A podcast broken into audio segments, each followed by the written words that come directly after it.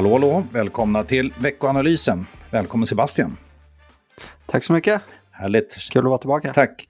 Och härligt att du är tillbaka. Det är ju eh, ett tag sedan ändå igen. Vi varvar ju lite. Eh, och eh, ja. det känns som det var några veckor sedan. Men eh, klart välkommen. Tackar, tackar. Och eh, vi har väl som vanligt en eh, agenda med lite vad som ska hända. Men jag tänkte kort bara, vad, eh, vad hände egentligen förra veckan? Jag hade ju lite aktiespecial med Fredrik där. Eh, och jag vet att du tittar inte så mycket på enskilda aktier. Det kan jag, kanske jag prata om lite vad som hände. Men hade vi någon makrofokus om vi börjar där, förra veckan? Eh, ja, eh, vi fick ju en eh, form av inflationssiffra från USA. Eh, den så kallade PCE-inflationen. Eh, som ofta beskrivs som Feds eh, den amerikanska centralbankens favoritmått. Eh, och den mätte då inflationen för hela Q4, eh, men i årstakt. Eh, och den kom in på 3,9 procent, eh, väntades komma in på 4,0 eh, och kvartalet innan så var den 4,7. Okej, så egentligen... så det är en liknande trend eh, som ja, vi har hoppats och har sett. Inflationen faller. Ja, exakt. Ja. Eh, och det är en klar förbättring. Där. Ja, och i nivå med förväntningar, vilket underlättar också. Så kanske mm. inte blir helt nya antaganden till, till Fed då, till mötet den här veckan. Eh, nej, det ändrar väl inte jättemycket om det är 3,9 istället för 4,0. Ja. Men eh, skönt att det inte blev en överraskning på plussidan i alla fall. Härligt. Ja, det är jättebra. Ja, det känns ju allmänt som att inflationen faktiskt faller nu enligt plan och det är snarare kanske recessionsrisker som är mer i fokus. Men det, ja, det kommer vi till när vi pratar inför Fed. Ja. Eh, var det något annat Absolut. makro där som var jätteviktigt? Eh, nej, det var väl egentligen det som var eh, ja. mest intressanta. Eh, vi har lite makro som har kommit in den här veckan eh, nu på måndag morgonen. Okay. Mm. Men det kan vi spara. Ja, vi sparar det. Vi, vi tar eh, hela kalendern sen. Eh, lite kort ja. då bara bolagen. Nu eh, har vi ju som sagt ingen aktiespecial varje vecka. Men eh, förra veckan kom det ju ett gäng rapporter. Vi pratade lite om några av dem eh, vid, ja, i podden då. man kan väl säga överlag i linje med förväntningarna eller marginellt sämre på några bolag. I alla fall de som jag har valt ut. Tittar man på bank så var ju SEB, kom egentligen helt in i linje med förväntningarna. Eh, Telia i linje med förväntningarna, kanske lite sämre kassaflöde som man fokuserar mycket på. Volvo i linje med förväntningarna, något lägre lastbilsorder, men det har, samtidigt så säger de att det har varit en, en strategi i princip för att fylla kapacitet längre fram. Så att det egentligen inga konstigheter där. Det som var lite blekt och svagt var ju då SCA, eh, där vi eh, såg lite produktionsstopp och också lägre priser och även Atlas Copco som verkar drabbas av att halvledarindustrin spökar. Så lite svag ordning där. Men eh, ja. inga katastrofsiffror som det ser ut. Nej. Eh, och med det sagt så tänker jag vi hoppar väl in i veckan. Eh, och det viktigaste för börsen just nu, vad ska man fokusera på? Eh, ja, eh, du nämnde ju lite rapporter och eh, det finns ju mycket intressanta rapporter från USA som kommer den här veckan. Mm bland annat från de stora techjättarna. Eh, Microsoft var ju först ute bland dem och rapporterade förra veckan. Eh, en rapport som togs emot ganska ljummet. Först så steg det i efterhanden och sen så sjönk det ganska rejält och slutade relativt nära nollan efter mycket storm. Eh, men eh, nu så den här veckan får vi rapporter från eh, Meta som är moderbolag till Facebook, eh, Apple, Amazon och Alphabet som är moderbolag till Google. Eh, så techjättarna kommer dominera rapportscenen den här veckan, ja. även fast det finns många andra rapporter som också blir intressanta att kolla på. Det är en tung eh, rapportvecka överlag, även i Sverige. Vi kan ta dem sen, men det, är ju, det känns ju som att en, en ganska relevant andel av eh, market cap kommer med rapporter just den här veckan. Så det här är Verkligen. mycket tungt. Så är det. Så är det något man kan säga om de här eh, techjättarna? Är det liksom, vad tror du? Eh, ja, det är vissa som klarar sig bättre än andra i den här miljön. Eh, och generellt så har ju IT-bolagen, eh, många ser ju alla de här som IT-bolag, mm. eh, och det är de ju inte. Eh, men de som faktiskt är it-bolag är Microsoft och Apple.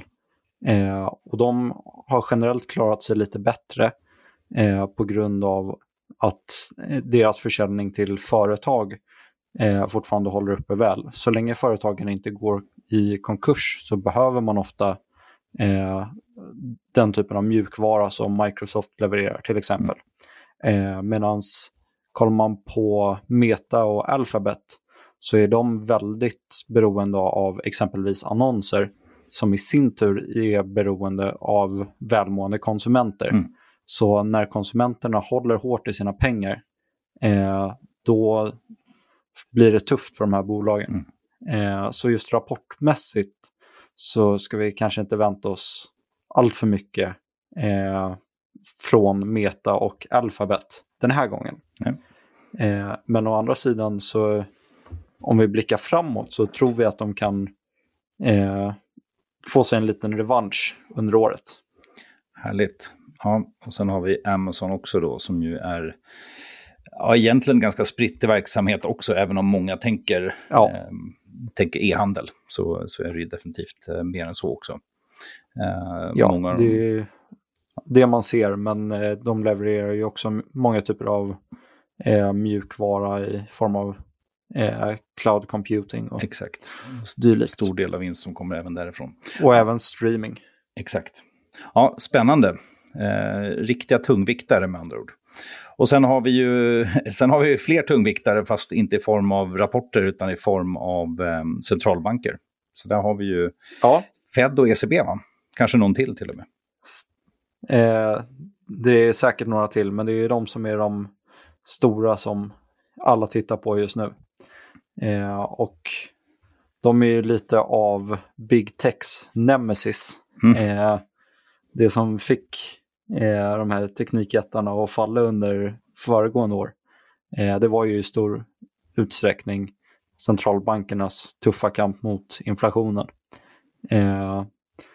Och eh, blickar vi på den amerikanska centralbanken, Fed, eh, så väntas de höja med 25 punkter. Mm. De börjar ju närma sig sin eh, räntetopp nu, eh, vilket även hör ihop med att inflationen i USA börjar komma tillbaka till mer måttliga nivåer. Exakt. Som vi nämnde tidigare, 3,9 procent på PCE. Det är inte Feds mål, men det är fortfarande det är inte så långt över målet längre.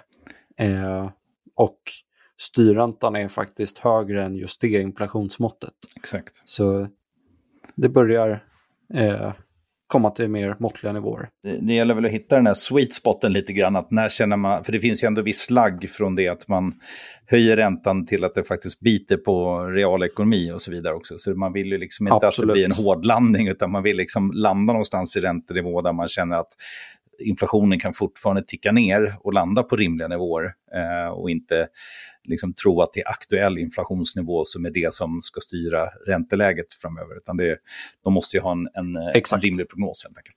Så. Ja, mm. eh, för höjer man räntan för mycket eh, då kommer det bli totalstopp i ekonomin och det vill man ju inte heller.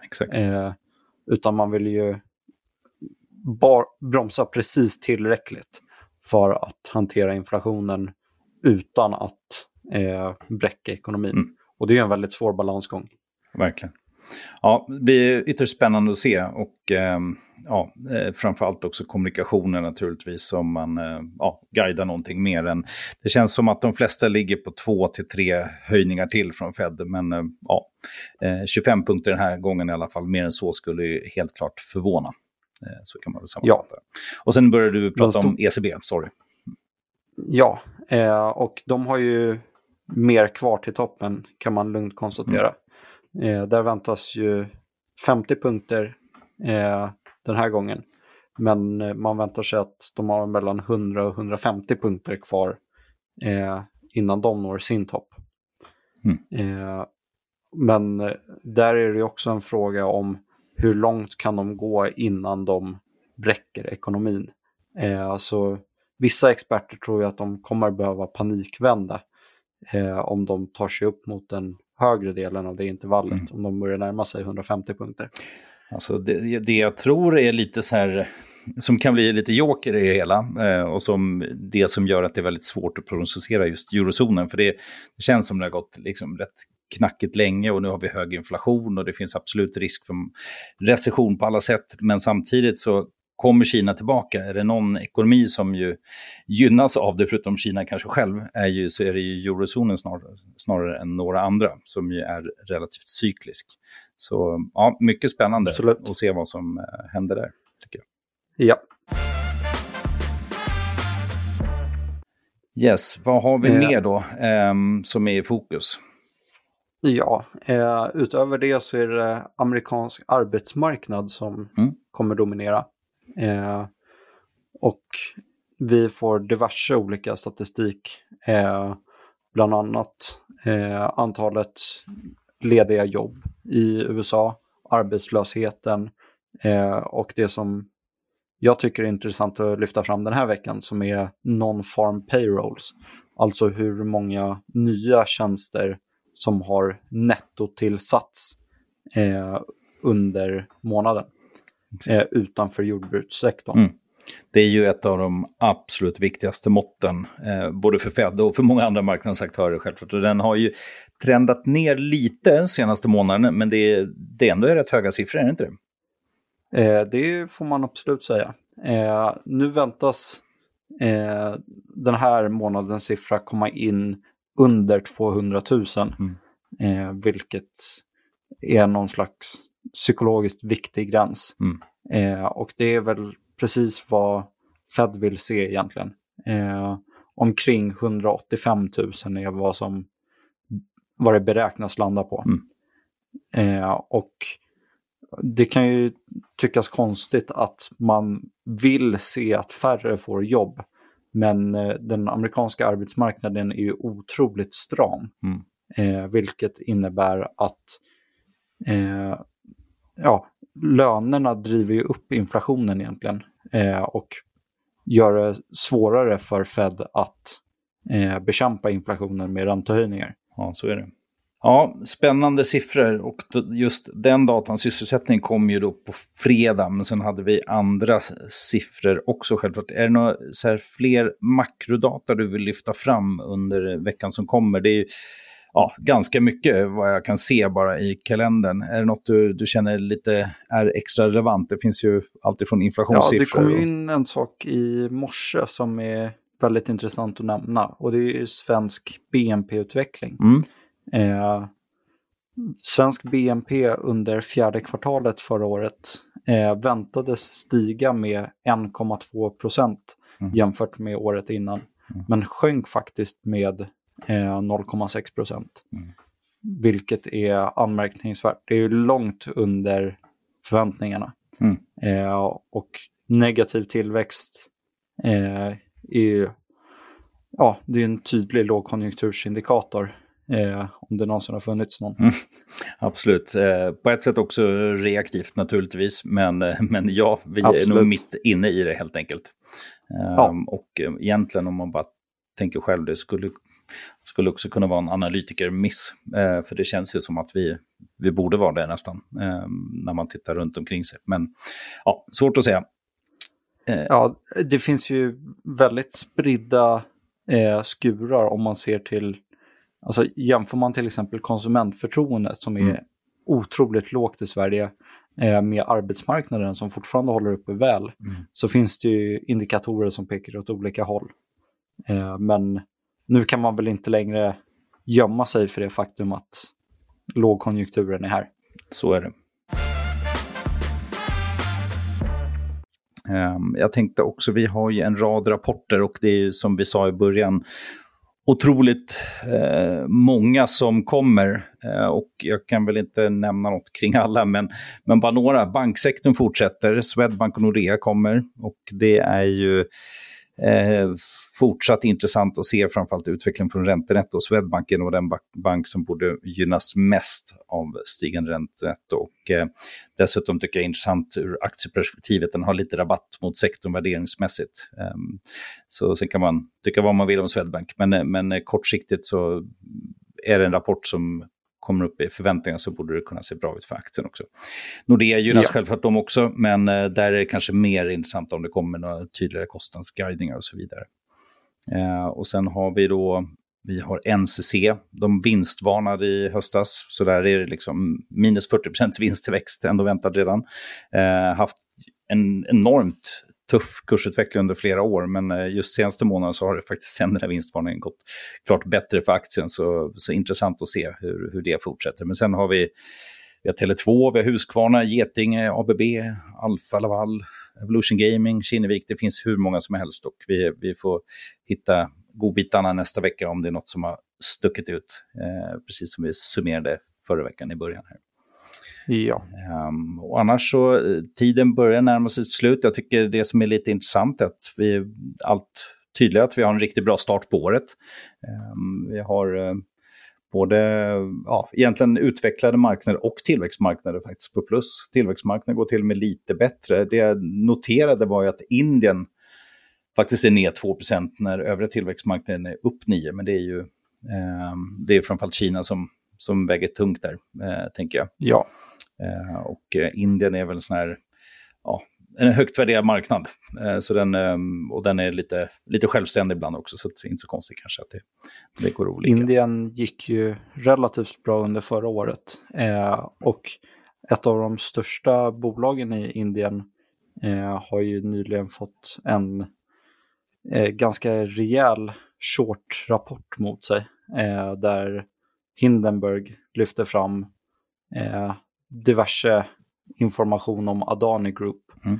eh, som har fått marknadsvärdet att falla med omkring 65 miljarder dollar hittills. Okej. Eh. Inget jag har läst om, men intressant. Jag rekommenderar att du kollar upp ja, det. Det är väldigt intressant. Det ska jag absolut göra. Eh, jag tänkte vi kan väl bara kort avsluta. Vi släppte ju en strategirapport också eh, förra veckan. Med ehm, eh, några förändringar. Inte vad gäller tillgångslagen och inte egentligen vad gäller eh, regioner, eh, om vi pratade om det alldeles nyss, och inte heller vad gäller hur vi investerar mot räntor. Men däremot på sektorerna gjorde vi några ändringar. Um, Exakt. Och, eh, ja, är det någonting du vill lyfta fram där som, eh, som är extra intressant vad gäller globala sektorer, är det vi pratar om framför allt då?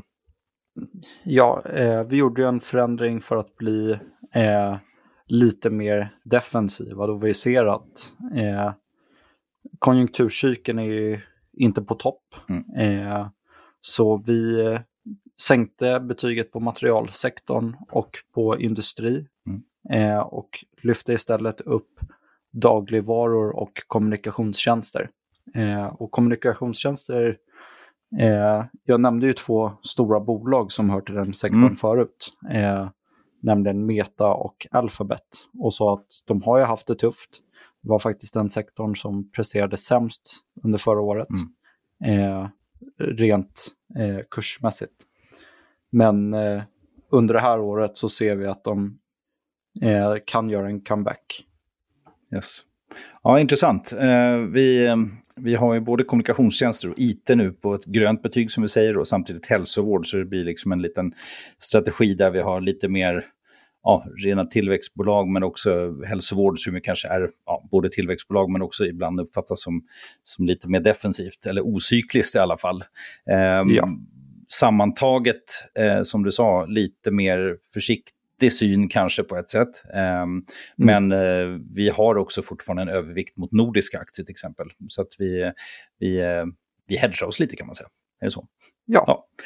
Uh, inte helt fel när det har gått starkt inledningen på, på året. Det är ju den nordiska marknaden, eller svenska marknaden är upp nästan 10% Så att, riktigt kul att det är en bra start och vi passar på att vara kanske lite mer försiktiga. Ja. Utmärkt. Får vi tacka för idag och så ja, kanske vi ses nästa vecka. Eller hörs. Det gör vi då. Hej, hej.